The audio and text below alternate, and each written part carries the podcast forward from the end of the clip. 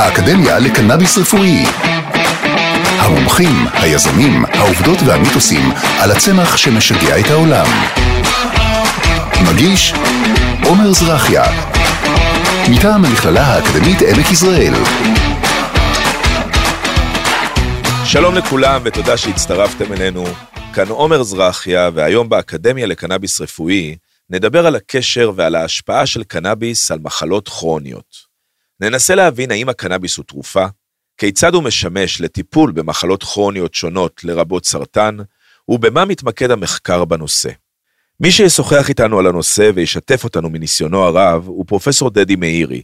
דדי הוא ראש המחלקה לחקר הסרטן בפקולטה לביולוגיה בטכניון, ומייסד חברת קנאסול לחקר הקנבינואידים. אבל קודם לכן, בואו נכיר מושג ירוק חדש. מושג ירוק, מושג אחד שחייבים להכיר על קנאביס, והפעם שמן ריק סימפסון.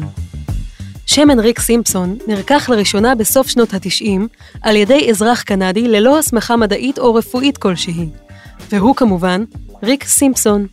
כמה שנים אחרי שהתחיל לטפל בעצמו בקנאביס רפואי כדי למתן סחרחורות וכאבים, אובחן סימפסון כחולה בסרטן העור. סימפסון השתמש בקנאביס גם כדי לטפל בגידולים הסרטניים. הוא רקח בעצמו שמן קנאביס, ועל פי עדותו הטיפול הצליח, והגידולים הנותרים נעלמו כלא היו. בעקבות התגלית המרעישה ששינתה את עולמו, החליט סימפסון לחלק את שמן הקנאביס שלו לכל חולה שנזקק לכך. במקביל החל לחלוק עם העולם את הידע והניסיון שצבר. הוא זכה לחשיפה אדירה ולתמיכתם של עשרות אלפי מטופלים מסביב לגלובוס. שמן ריק סימפסון הוא סוג של שמן קנאביס, שמופק מפרחי קנאביס מיובשים על ידי מיצוים בתמיסה אלכוהולית. התערובת שנוצרת עוברת אידוי כמעט מוחלט של האלכוהול מתוכה, מה שמשאיר לבסוף תערובת אורגנית, בעלת מרקם צמיגי וצבע ירוק כהה, המכיל ריכוז גבוה מאוד של קנבינואידים. משרד הבריאות הישראלי אוסר על עיבוד מוצרי קנאביס בידיהם של מטופלים, גם אם הם מקבלים אותם באישור הממשלה. לכן, שמן ריק סימפסון המופק לרוב באופן ביתי בישראל, אינו חוקי. מה שמבדיל בין שמן ריק סימפסון לשמן קנאביס רפואי המאושר לשימוש, הוא בדרך כלל הריכוז שבו מצויים החומרים הפעילים במוצר. שמן קנאביס שמקבלים מטופלים, מדולל בשמנים טבעיים אחרים, ומכיל כמות מבוקרת של חומרים פעילים, בהתאם לקטגוריות הטיפול השונות. זה היה מושג ירוק. שלום דדי, ברוך הבא, איזה כיף שאתה מצטרף אלינו, מה שלומך? שלום עומר, איזה כיף אה, להיות פה, איזה כיף לראות אותך, שלומי מצוין בסך הכל. אז uh, אנחנו מכירים כבר כמה שנים, ותמיד רציתי לשאול אותך, איך זה שבן של חקלאי, אם אני זוכר נכון, מגיע לעסוק בקנאביס, ובסופו של תהליך מקים את המעבדה הגדולה ביותר בעולם לחקר סרטן באמצעות קנאביס. Uh, הכל הבנתי בשאלה חוץ מהקשר לבן של חקלאי עשיתי הכל בשביל לא להישאר בחקלאות אז הלכתי ללמוד הרבה שנים בזה כשהבנתי מהר מאוד שאני מחפש משהו שיש בו קפה וגג וקראו לזה אוניברסיטה uh, וככה הגעתי. רגע ברצינות יש לי תואר שני בביוכימיה דוקטורט במדעי הצמח ופוסט דוקטורט בחקר סרטן ושקיבלתי מעבדה בטכניון. רציתי לראות איך אני עושה מעבדה שהיא מולטי דיסציפלינרית, שהיא משלבת את היכולות שלי הכימיות, את היכולות של הצמחים, שכמו שאמרת אני בא ממדעי הצמח, הייתי ראש הגנים הבוטניים של אוניברסיטת תל אביב במשך שבע שנים. אמ, ואת החקר סרטן שבעצם אה, קיבלתי מעבדה תחת ה-TICC, ה Technion Integrated Cancer Center. וקנאביס היה אחד מהצמחים שהתחלתי לעבוד עליו. התחלתי לעבוד על שרביטן ועל כל מיני צמחים אחרים מצמחים מדבריים וקנאביס היה עוד צמח שהתפרסם אה, על ידי מנואל גוזמן וקריסטין סנצ'ס, שני חוקרים מספרד, שיש לו יכולות אנטי סרטניות. צריך לשים לב שחולים בישראל לדוגמה מקבלים קנאביס כטיפול פליאטיבי, זאת אומרת טיפול תומך. אה, מקבלים קנאביס אה, לתמיכה בתופעות לוואי של הטיפול הרגיל, של הכימותרפיה או של ההקרנות. קנאביס אה, משפיע עלינו על הגוף דרך המערכת האנדוקנבינואידית שיש לנו, והוא בעצם המערכת האנדוקנבינואידית נמצאת בכל תא שיש לנו בגוף, אה, אה, וזה מערכת של ויסות ובקרה, אני לא אכנס פה לכל הפירוט של המערכת האנדוקנבינואידית, אני רק אגיד שדרך המערכת האנדוקנבינואידית קנאביס מוריד כאב, מעורר תיאבון, עוזר בשינה, משפר מצב רוח, וזה איזה טיפול כזה הוליסטי לכל הדברים האלה ביחד, במקום לקחת חמישה כדורים שונים, אתה מקבל קנאביס כטיפול תומך. אז אנחנו עוד מעט באמת ניכנס לקשר בין הקנאביס לבין ה- אה, ההתוויות הרפואיות בדגש על סרטן, אבל אני כן רוצה לקחת אותך אה, להתחלה דווקא באמת לעולם הצמח. אתה בעצם אה, בפעילות היומיומית שלך בעצם מחבר את שני העולמות האלה, מחבר את הצד של הבוטניקה של הצמחים ומחבר את הצד של הרפואה, של ההתוויות הרפואיות. לפני שנכנסים להתוויות הרפואיות, קנאביס כצמח, היום נמצא מאחורי אה, אה, בית המרקחת וניתן כמרשם. איך זה שצמח ניתן כמרשם? איך הוא אה, יכול להינתן כמרשם, והאם לדעתך הוא יכול להיחשב ככזה כתרופה? אז קודם כל, אה, אה, אתם יודעים, אנשים אה, השתמשו בצמחים כרפואה במשך אלפי שנים, אם לא עשרות אלפי שנים. ובמאה השנים האחרונות לקחנו ודייקנו את זה, גם בגלל שהמדע נהיה יותר מתקדם, גם בגלל שהמסחור של זה נהיה יותר, החברות פארמה, והם לקחו את מה שטיפלו במשך אלפי שנים וקראו לזה תרופה. ההבדל המרכזי היה שהתפיסה הייתה סינגל מוליקיול סינגל טארגט, כאילו מולקולה אחת לטארגט אחד. העולם המערבי. נכון, אה, במשך אלפי שנים ידעו שאם יש חום אה, אז לוקחים אה, עץ ערבה, לוקחים את הקליפה של עץ ערבה, מרתיחים אותה ונותנים לה לשתות וזה מוריד חום ו- ו- ומוריד כאב. אז חברת תרופות הלכה ובודדה מצאה שיש שם מולקולה שנקראת סלציליק אסיד. בגלל שאם שותים יותר מדי זה יכול לעשות איזה אולקוס, עשתה לה איזה שינוי קטן, קראה לזה אספירין וכולנו מכירים את האספירין. בסוף זה מולקולה מצמח. הרבה פעמים כשאני נותן הרצאות ואני מראה את התוצאות שלי בקנאביס ובסרטן, אומרים לי, למה בכלל לתת כימותרפיה ואת כל הרעלים האלה, אם אפשר לקחת משהו מהטבע צמח. חבר'ה, מאיפה הגיעה הכימותרפיות? מה, המצאנו אותם? קוראים לזה כימותרפיה, כי אנחנו בודדנו איזה מולקולה מהצמח ונותנים אותה. בסוף זה לא מאוד שונה. מה שונה בזה? התפיסה של לקחת מולקולה אחת לטארגט אחד, לבין לקחת משהו הרבה הרבה הרבה יותר מורכב. אנחנו המדענים וגם הרופאים לא אוהבים לא להבין. זאת אומרת, אנחנו אוהבים לדעת ומה המנגנון ואיך זה עושה ומה הסיכונים. כשאתה לוקח צמח שלם שיש פה עכשיו מאות מולקולות, אתה לא מבין את כל המורכבות שלו. ויש לזה את החסרונות והיתרונות, אני לא, אני לא בעד ולא נגד, אבל יש לזה חסרונות ויתרונות. הרפואה התקדמה מאוד במאה, 200 שנים האחרונות. אנחנו יכולים להתלונן ולהגיד ולא מבינים, והרופאים כן יודעים ולא יודעים. אבל שימו לב לתוחלת החיים, בן אדם היום אה, שנפטר בגיל אה, 75 נראה לנו צעיר. אה, הר- הרפואה מאוד מאוד מאוד התקדמה, והתקדמה בגלל הדיוק הזה ובגלל היכולות הטכנולוגיות וכאלה.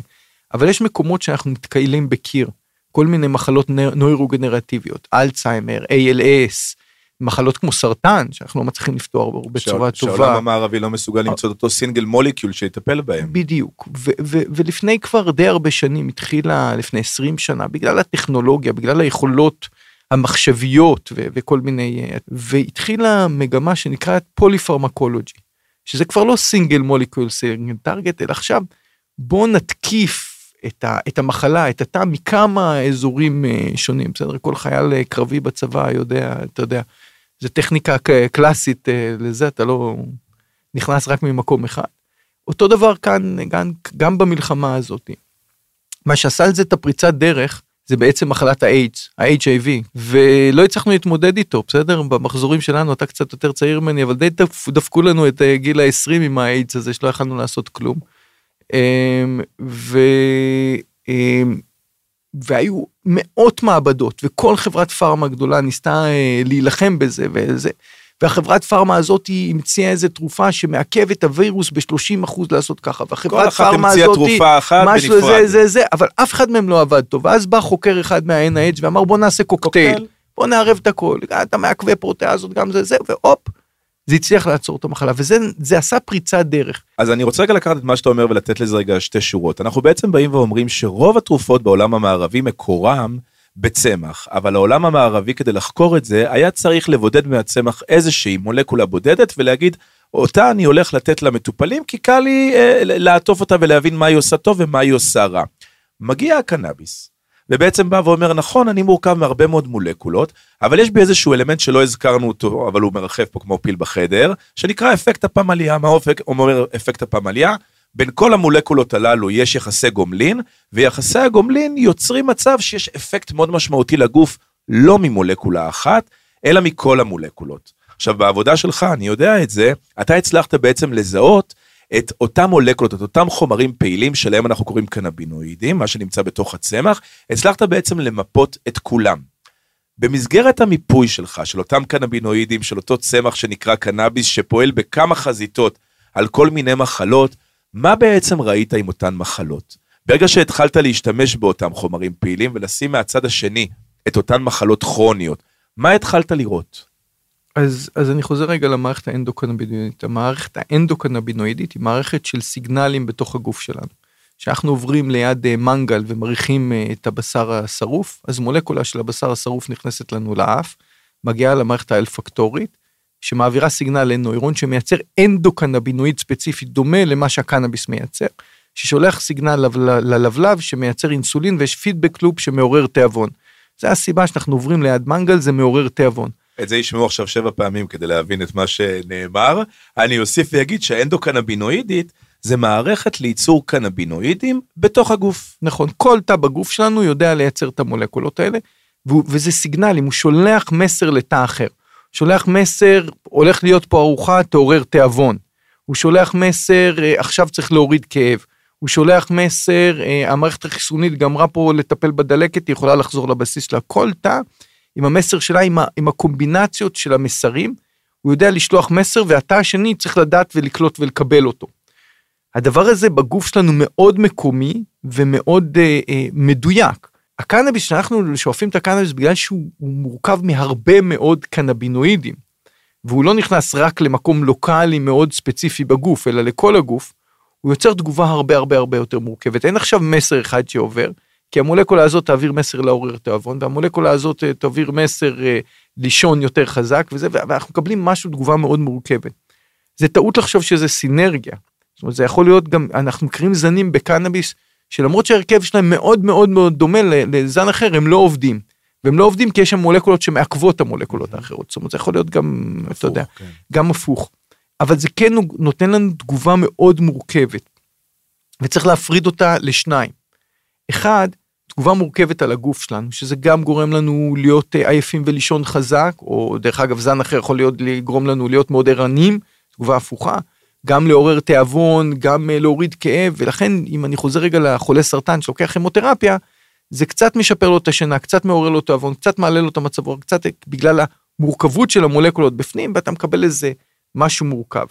כשאנחנו מדברים על האנטוראז' אפקט, אפקט, הפמליה, אפקט כן. הפמליה, אנחנו מדברים על משהו אה, אה, יותר נקודתי, לא על זה שלקנאביס יש הרבה אפקטים ו- ולכן אה, אה, אה חולה כאב או PTSD או חולה סרטן אה, לוקחים את זה כי זה משפיע על הרבה דברים, אלא על מה שאמרתי מקודם, שכמה מולקולות תוקפות את אותו דבר.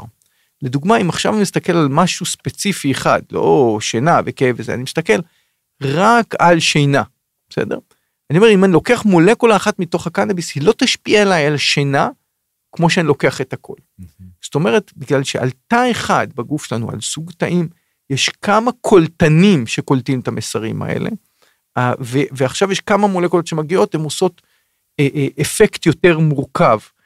והדבר הזה, היום עם היכולות שלנו, כשהתפרסם המאמר של רפי משולם בשנת 98, על האפקט הפמליה והאנטוראז' אפקט, זה היה משהו גדול כזה, זה כבר תפיסה בעולם ש, ש, שמתחילה להיות יותר ויותר כן. מקובלת.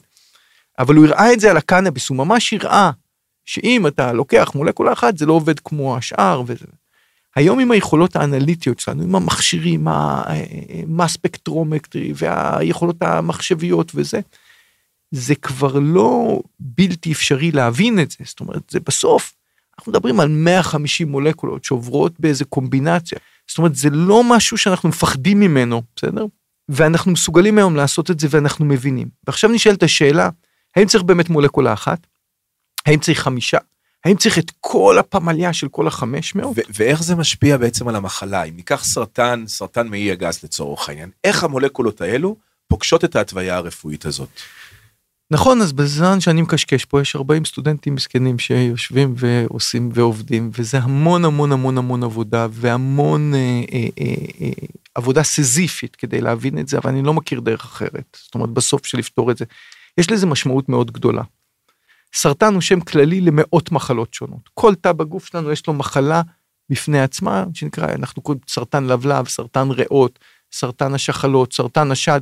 כל אחד הוא מחלה אחרת. אם אתה מסתכל מתחת למיקרוסקופ זה יצור אחר, הוא נראה אחרת, הוא מתנהג אחרת. כולם טעות פעם מטריית שם, אבל הם שונות נכון, לחלוטין. יש בוב ויינברג, זוכה פרס נובל בשנת 96, קרא לזה The Six Hallmarks. הוא אמר, כל פעם שיש את השישה המאפיינים האלה, נקרא לזה סרטן. כן. אבל בסוף, בסדר, אה, כולנו בני אדם, לא נראים אותו דבר, לא מתנהגים אותו דבר. אה, וגם הדרך לטפל הוא היא שונה. האם קנאביס יודע לרפא את כל סוגי הסרטן? מה פתאום? הוא יודע לרפא סוג סרטן מסוים? הוא יודע לרפא? אתה שואל אותי? אני מהמר את הקריירה שלי על זה, אז כנראה שאני חושב שכן, אני לא, אתה יודע, לא תמצא מדען שחוקר משהו בכל ליבו ויגיד שלא. אה, אה, לפי כל העדויות שלנו ולפי התוצאות במעבדה וגם קצת מהשטח, אנחנו יודעים ש, ש, שיש סבירות מאוד מאוד גבוהה שכן, בסדר? בסופו של דבר אנחנו צריכים לדייק את זה, אנחנו קוראים לזה פרסונל מדיסין, אבל זה, זה שם מכובס למשהו יותר מדויק. אנחנו היום מסתכלים ואנחנו מצאנו במעבדה שלנו, סרקנו, אמרנו, קנאביס מאוד משפיע על המערכת החיסונית, זה דבר ידוע, הוא משפיע על אינפלמיישן, על... אה, אה, אה, ו- ואמרנו, אוקיי, אז בוא נראה אם קנאביס משפיע על סרטן של המערכת החיסונית. ולקחנו אה, סרטן לוקימיה, סוג מסוים, גם, ב, גם בלוקימיה יש סרט, אה, סרטן של תאי הטיב, סרטן של. תאי ה-B, בסוף. וסיל.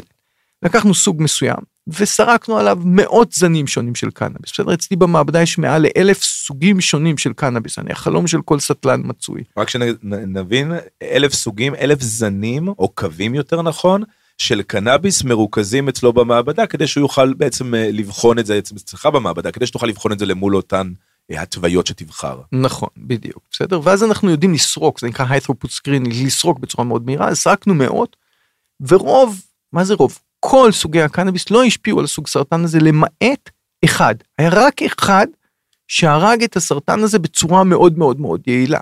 אז קודם כל אתה אומר, סרקתי 400 סוגים ורק רק אחד הרג, מה הסיכוי של החולה להגיע לבית מרקחת ולשים את היד על האחד הזה? הוא, כמעט אפסי. זנים, אחד השפיע אחד על השפיע. סוג הסרטן כן, הספציפי. צריך הזה. גם מזל בחיים, בסדר? כן. יכלתי שיהיה לי 900 ולפספס את אותו. האחד הזה הרג, אמרנו, אוקיי, עכשיו בואו ניקח את כל סוגי הלוקימיה, ונראה אם הוא גנרי לכל סוגי הלוקימיה, הוא רק במקרה לאחד שלקחנו. וסרקנו וראינו שב-50% מסוגי הלוקימיה הורג אותם כמו משוגעים, וב-50% לא. כשהסתכלנו גנטית, ראינו שיש מוטציה ספציפית שנקראת נוטש 1, שנמצאת ב-50% מסוגי הלוקימיה. אז עכשיו אני יודע שיש לי זן, קראנו לו extract 12, בסדר?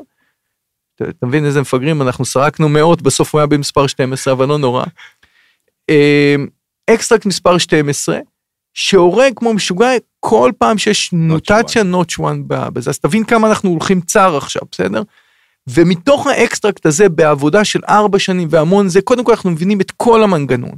אנחנו מבינים איזה מולקולות, צריך שלוש מולקולות שנמצאות, שים לב, אנחנו חוזרים לדבר באותו הזה. זן? באותו זן. זאת אומרת, אם תיקח אחת זה לא עובד, אם תיקח שתיים זה לא עובד, צריך שלוש, אבל אני לא צריך את כל המאות מולקולות, אני צריך שלוש. אם אני אקח ואסנטז אותם עכשיו, או אקח וארכיב זנים שונים, שיש בהם את המולקולות האלה, אני אקבל את האפקט, ועשינו את זה הרבה פעמים. אני מבין לעומק, בצורה הכי עמוקה, בדיוק מה קורה שם, ועכשיו את שלושת המולקולות האלה, אחרי שעשיתי את זה, ועשיתי מודלים עכברים, עשינו ארבע מודלים, עשינו השתלת מח עצם בעכברים וריפינו אותם, עכשיו אני יודע לקחת את זה לקליניקה. כשאני לוקח את זה לקליניקה, יש לזה שני מסלולים. המסלול של הצמח. אני יכול לקחת את הצמח הזה, שאני יודע שיש בו את השלוש מולקולות, ולהגיד לחולה סרטן שמקבל במילא קנאביס, כי מותר לו לקבל קנאביס במרשם רופא, להוריד כאב, אבל הוא כבר מקבל את התרופה הזאת, אני רק צריך לעשות פיינטיון. כן. להגיד לרופא, להמטולוג, אתה יודע מה, אתה רושם לו קנאביס, אז תן לו את זה במקום זה, ובעצם אני יודע להיכנס לניסוי קליני בבני אדם, שהוא כאילו ניסוי קליני phase two B, אני כבר לא בחולה. אם אני לוקח את המולקולות המסונתזות במסלול הישן של הפארמה, ה-FDA, ואני עושה גם את זה, דרך אגב, אני במסלול של 5 עד 7 שנים, בהשקעה של מעל ל-500 מיליון דולר להגיע לתרופה. אבל עזוב רגע את הכסף. החולה, שאין לו כרגע תרופה לזה, שיכול יכול להיות שאנחנו יכולים להציל אותו, יפגוש את התרופה, אם זה עובד, בעוד שמונה שנים. כשיש לי חולים כן. בבית חולים לידי, שמקבלים קנאביס כבר, אני רק צריך לעשות להם את הפיינטיון פה. ויש פה משהו בתור מדען שהוא הוא פנומנלי בעיניי. זאת אומרת, אני זז רגע מסרטן, לפני ארבע שנים סרקנו, היה לנו מודל של אפילפסיה, עבדתי עם פרופסור אורי קרמר מאיכילו ועשינו מודל של אפילפסיה. ולקחנו זנים מכל המגדלים, אמרנו תעזבו את מה שאתם משווקים, אני רוצה את כל הזנים שיש להם אה, CBD, TEC נרמוך, CBD זה מולקולה מסוימת, TEC מולקולה הפסיכואקטיבית המשנה התודעה, אז אני רוצה שזה יהיה נמוך, כי אנחנו רוצים לתת לילדים אפילפסיה. ולקחתי מהמון המון אה, אה, מגדלים, מה זה המון? היו שמונה עלק אלמון, שמונה מגדלים את כל הזנים שהיו להם, וסרקנו ומצאנו שניים שעובדים הרבה יותר טוב על העכברים ממה שהילדים מגדלים. תוך סדר גודל של שבועיים שלושה, הזנים שהילדים קיבלו השתנו, והיום אז שני הזנים העיקריים שניתנים לילדים אפילפטיים, זנים שגילינו במעבדה. מדהים. עכשיו, לא עשיתי על זה כסף, אני לא חברת פארמה, ו, אה, אה, וזה לא עבר את כל התהליכים, אבל האפשרות שלי להרים טלפון למגדל, ולהגיד, ולהגיד לו, לו, תקשיב, זן שלך עובד יותר טוב, בסדר? כן. ו, אה, אה, ולהגיד לחול, לרופא, כדאי לך לבדוק את זה, ולעקוב אחרי הילדים ולראות שזה באמת עובד יותר טוב, זה משהו שהוא פנומנלי בתור מדען, זה בלתי נתפס כמעט. אני, אתה אומר את זה ואני נזכר בזה, וזה יכולת ההשפעה שלך יש. כתוצאה מהמחקרים שאתה עושה על האוכלוסייה שגם ככה צורכת, צורכת את זה, אבל לא יודעת מה היא בדיוק לוקחת ואיך זה משפיע, זה באמת פנומנלי. ועד עכשיו דיברנו בעצם על מה שאתה עושה עכשיו. אני כן רוצה to pick your brain שנייה לגבי לאן זה הולך. כשאתה מסתכל קדימה אה, חמש שנים בראי המעבדות שיש לך היום ויש לך כמה, בראי המגדלים שפעם היו שמונה והיום יש לך כמה עשרות, והעולם שמתפתח עם זה. לאן אתה רואה את זה בעצם צועד בעוד כמה שנים, ואיך זה ישפיע על המטופלים שיש להם היום כל מיני התוויות רפואיות שאין להם אה, מענה בעולם המערבי? אז אני אחלק את התשובה שלי לשניים. בעולם של המדיקל אני חושב שאנחנו נראה תרופות מדף אה, אה, שרופאים רושמים מרשם ואנשים משתמשים בהם, הולכות וגדלות מקנאביס. כשאני מחלק אותם לשניים, יהיו תרופות מדף מאוד מאוד מאוד מדויקות. שלושת המולקולות שדדי מאירי מצא במעבדה שלו שטובות ללוקימיה לנוטש 1. יכול להיות שיקחו אותם בכדור, יכול להיות שיקחו אותם עם הצמח, אנחנו נרצה בסוף לרפא את החולה מלוקימיה בצורה הכי טובה. אם זה יהיה כדור, שיהיה כדור, אם זה יהיה עם נר נר, ואם הוא צריך לעשן את הקנאביס, שיעשן את הקנאביס, העיקר שנציל את החולה מ- מלוקימיה. ויהיה תרופות כאלה מאוד מדויקות, תרופות שעכשיו מורידות התקפים אפילפטיים בצורה יותר מדויקת. תרופות ש... אה, עוזרות לאינסומיה, לשינה יותר חזקה, אבל מאוד נקודתי. זה צד אחד של תרופות שכבר מגיעות, יש שתי תרופות מאושרות כבר FDA, פדיאולקס וסטיבקס, והולך, זה, זה ילך ויגדל. אה, יש לי עובדת במעבדה שיש לה ילד אה, אוטיסטי עם הרבה התקפים אפילפטיים, ואתמול אחרי צהריים סיפרה לי ש... היא נתנה לילד אה, Sativex אתמול, זו פעם ראשונה שבהמון שנים שהוא התייצב והפסיק עם ההתקפים, וזו תרופה, דרך אגב, אה, אה, אתמול פעם ראשונה למדתי שהיא מסובסדת כבר על ידי משרד הבריאות, היא משלמת, זו תרופה של 2,000 ומשהו שקל, כן, שהיא מאוד. משלמת עליה 300 שקל, כי זה כבר כן מסובסד על ידי משרד הבריאות. שים לב, משרד הבריאות, סל, סל התרופות, מסבסד תרופה מקנאביס. בסדר? נכון, נגיד, אומרת... ש, נגיד ששתי התרופות האלה הם כן סינגל מולקיול שמבוססות כן על, על קנבינואיד אה, בודד, אבל הם, קנ, הם קנאביס. כן, אומרת, אבל, אבל זה, מולקולה, זה מולקולה טבעית, היא לא מסונתזת, היא מולקולה טבעית שממוצע מצמח הקנאביס ב-98 אחוז. זאת אומרת, יש שם 2 אחוז של דברים אחרים, 98 אחוז המולקולה הזאתי, זה כן מהצמח, זה, זה בפער אה, ביניים בין אה, זה וזה, אבל עוד פעם, זה, זה שינוי קונספט, זה בסדר? שינוי, שינוי תפיסה, זה, זה פתיחת דלת וחלון לדבר הבא. אז אמרתי, צעד אחד יהיו, יהיו תרופות כאלה, ואנחנו רואים אותן כבר על המדף, הן כבר קיימות, כבר אי אפשר ללכת אחורה. אה, וצד שני, אני חושב שיהיו תרופות מקנאביס, הוא יהיה קנאביס כטיפול תומך, כטיפול פליאטיבי, כמשהו הוליסטי, לדברים שאנחנו כבר רואים אותם היום, לכאב כרוני, ל-PTSD, לטיפול תומך בחולי סרטן, ואני חושב שיפתחו עוד כאלה. אני חושב שלדוגמה אוכלוסייה מבוגרת, זקנים, בסדר?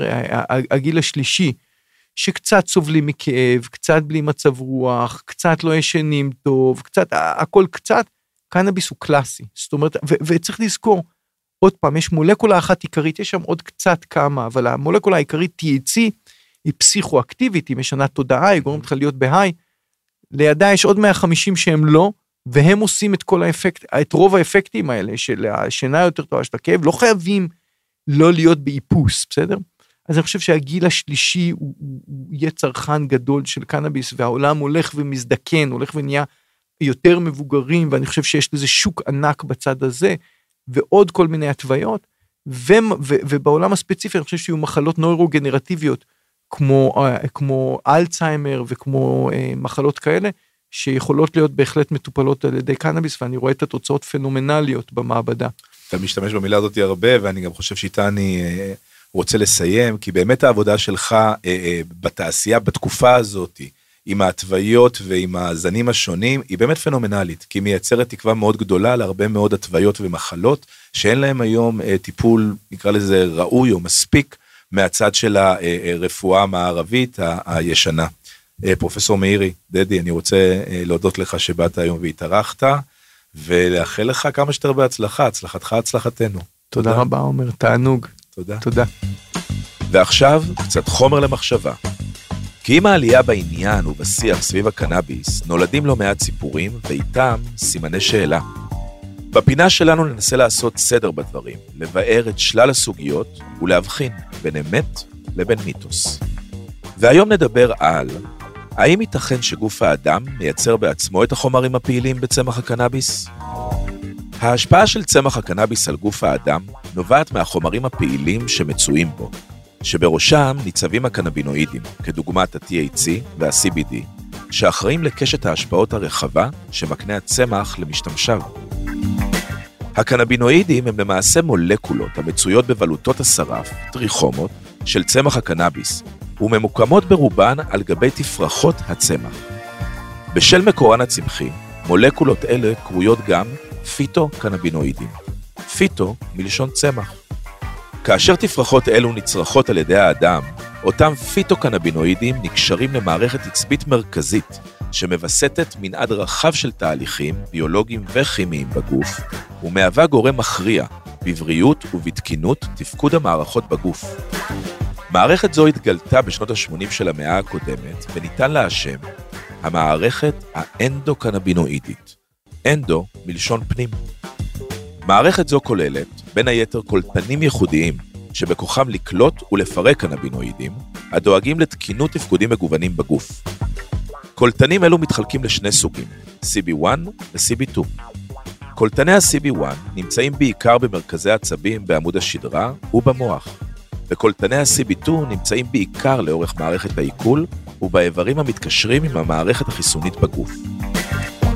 הפיטוקנבינואידים הם אמנם חומרים פעילים המופקים בצמח הקנאביס, אך למרבה ההפתעה, הגוף האנושי מייצר בעצמו חומרים עם דמיון רב לקנבינואידים הצמחיים. החומרים האלו נקראים אנדוקנבינואידים, והם מופקים בגופנו במסגרת פעילות המערכת האנדוקנבינואידית, גם אם לא צרכנו קנאביס מעולם. הדמיון בין הפיטוקנבינואידים לאנדוקנבינואידים כל כך גבוה, שהצמחיים משפיעים על הגוף בדומה לאלו הנוצרים בטבעיות בתוכנו. עם זאת, בשל הריכוז הגבוה של החומרים הפעילים באלו הצמחיים בפיטוקנבינואידים, ההשפעה שלהם על גוף האדם עוצמתית בהרבה מזו של אלו שנוצרים באופן טבעי בתוכנו. עד כאן לבינתיים, מקווה שנתנו לכם קצת חומר למחשבה. אז אחרי ששמענו את החוקרים, הגיע הזמן שננסה להבין גם את השפעות הטיפול בקנאביס רפואי על המטופלים. שלום לדני פוקס, מרצה ואבא של אוריאל, שאובחן בגיל צעיר על הרצף האוטיסטי ומטופל כבר לא מעט שנים בקנאביס רפואי. שלום דני. אהלן. מה שלומך? שלומי מצוין. ומה שלום אוריאל? גם אוריאל טוב. אה, מתחילים עוד מעט שנה חדשה, או בהתרגשות גדולה, וכן, כולנו בסדר גמור. איזה יופי. אז דני, אני חייב להודות שאני מכיר את הסיפור שלך כבר uh, תקופה, והייתי שמח לשמוע אותו uh, uh, uh, ממך, באמת איך הכל התחיל. איך uh, קישרתם בעצם בין uh, uh, האוטיזם לבין הפתרון בדמות, או לא יודע אם פתרון, אבל המזור בדמות קנאביס רפואי. איך זה התחבר? קודם, קודם כל אני רוצה להתחיל קצת מהסוף, ואז נחזור להתחלה. צריך לזכור שקנאביס אין מאה אחוז בשום דבר, לא בתרופות, לא בקנאביס, לא בהרבה דברים, אלא זה הרבה ניסוי וטעייה. זאת אומרת, שישמעו את הסיפור, שלא יחשבו, הנה עכשיו אני אקח ילד וזהו, והכל פיקס מחר בבוקר. אה, ואני אסביר. קודם כל, אוריאל, אני החלטתי שאוריאל אובחן בגיל שנה, ואני החלטתי שאוריאל, אני לא מוכן לתת לו אה, כדורים. לא רוצה. אני שמתי לב שהמון ילדים בין, אה, על הרצף האוטיסטי בין גיל 12 ל-16 אה, מקבלים אה, התקפי אפילפסיה. אני הסתכלתי על הרספרידל וראיתי שחלק מתופעות הלוואי. של הרספרידל זה אפילפסיה. אבל אוריאל גדל, ואז התחילו בעיות קצת של אה, קצת אלימות בכיתה, קצת בעיות התנהגות, והיד על ההדק מאוד קלה של כולם לשכנע אותך לכדורים. ואני מאוד פחדתי מהקנאביס כל הזמן, זה היה לי נראה סמים וכל מה שלמדנו כל החיים, למרות שאני גדלתי במושב, מושבניק והכול, אבל לא עישנתי גם אה, קנאביס כשהייתי ילד. ואז שכנעו אותי לתת לי אוראל פרוזק, כי זה התרופה הכי מתקדמת, היא לא במחזור הדם, ואפשר להפסיק אותה מתי שרוצים, וזה לא כמו שאר התרופות, והשתכנעתי, ונתתי לאוראל פרוזק. אז פתאום ראיתי שכל יום המינון גודל, וגם הבן שלי הולך וגדל ביחד עם הכדור ועם המינון, והבנתי שזה לא הכיוון שאני רוצה. ואז בכל זאת התחלתי לבדוק קצת מה זה, מה זה קנאביס, מה זה הדבר הזה בכלל. על איזה שנה אנחנו מדברים? אנחנו מדברים על לפני שבע שנים, כן. מה אנחנו היום? זה בערך בשנת 2013, מהמם, 2014, כן. 14, 13, 14, ואז התחלתי לראות כל מיני כתבות מדהימות של אה, אורית. אני גם חייב לציין שאני, שאוראל אובחן, שיניתי את כל דרך החשיבה שלי, הפכתי להיות יושב ראש חטיבת הת"ת בעלות, אני מרצה על זה, כתבתי גם ספר, ונפתח לי ככה עולם, אני דיסלקטי עם הפרעות קצב וריקוד, שלא קורא הרבה ולא כותב הרבה, ואז ראיתי כתבה מדהימה על uh, ילדה, ראיתי דו- דווקא את זה בניישונל גיאוגרפיק, שהייתה חולת אפילפסיה, והתחילה לקבל כל שלוש-ארבע דקות התקף בבית חולים, והזמינו את ההורים ל- להיפרד מהילדה למעשה. כן. לבוא להיפרד ממנה, כי זה כנראה הסוף. ואז אה, האבא ביקש מהרופא אם הוא יכול אה, בכל זאת לתת לה לגמור את חייה במיטתה בבית ולא בבית החולים, ואבא, הרופא אמר לו בהחלט. כשהוא בא לצאת, הרופא אמר לו, תשמע, אבל היא יכולה לקבל קנאביס, אז אולי תפחית לה קצת את הכאבים או מה, ותיתן לה. אז האבא אמר, לא, אני לא מסמן את הילדה שלי, ובדרך הביתה זה ככה ניקר לו בראש, ואז אה, הוא הלך, ל, הוא החליט בכל זאת, והוא הלך ל, לאחת החברות קנאביס ברישיון, ואמר לו, תן לי משהו, אבל לא, לא סטלה לילדה, הוא אמר לו, יש פה שמן, תיתן לה, כן, CBD. הוא לקח מהשמן מהדלי, והילדה הזאת היום מעל גיל 40. ואז אני אמרתי לעצמי, רגע, אם באפילפסיה זה עוזר, הרי אנחנו לא יודעים מה נמצא בתוך הראש. גם Mhm. הכדורים שאנחנו לוקחים, אנחנו לא בדיוק יודעים, ואז התחלתי ללמוד והגעתי אז לפרופסור משולם, והחלטתי שאני מתחיל להביא את ה-CBD לבד מארצות הברית. אוקיי, אז התחלת להביא בעצם, התחלת להביא בעצם את ה- את המוצרים, והתחלת בעצם לתת אותם לאוריאל?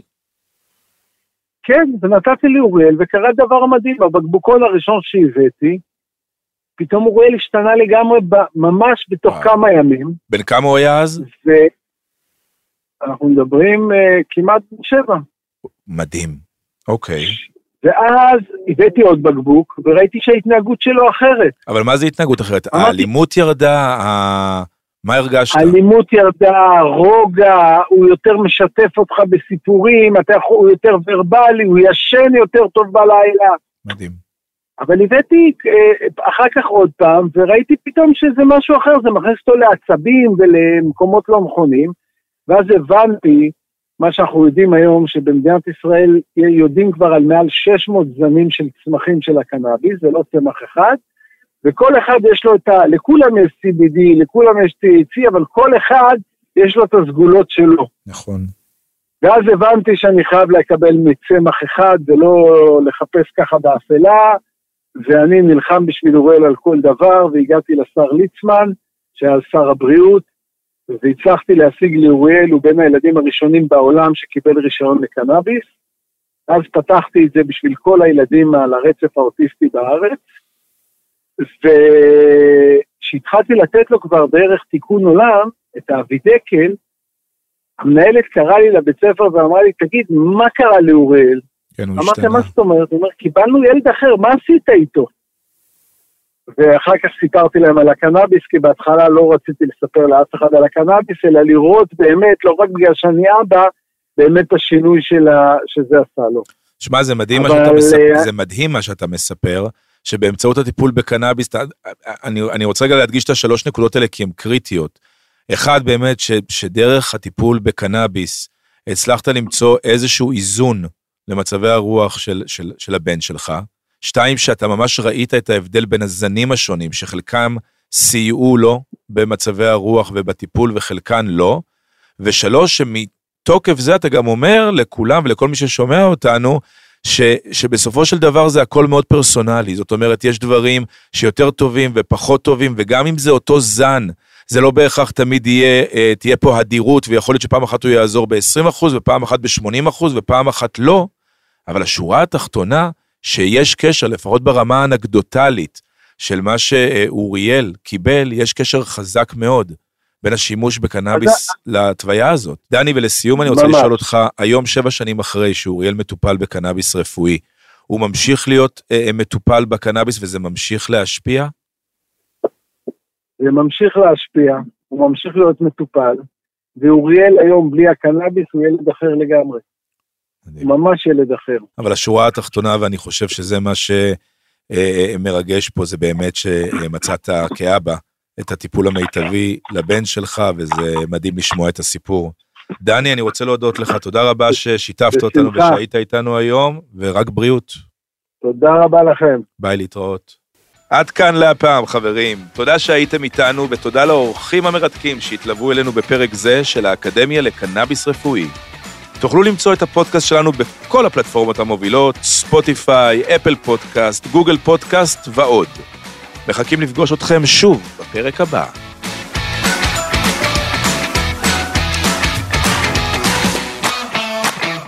הפודקאסט אינו ולא נועד להיות ייעוץ רפואי מכל סוג שהוא, ואינו מהווה תחליף להתייעצות עם רופא. הוקלט באולפני אדיו, המשווקת את ספוטיפיי בישראל.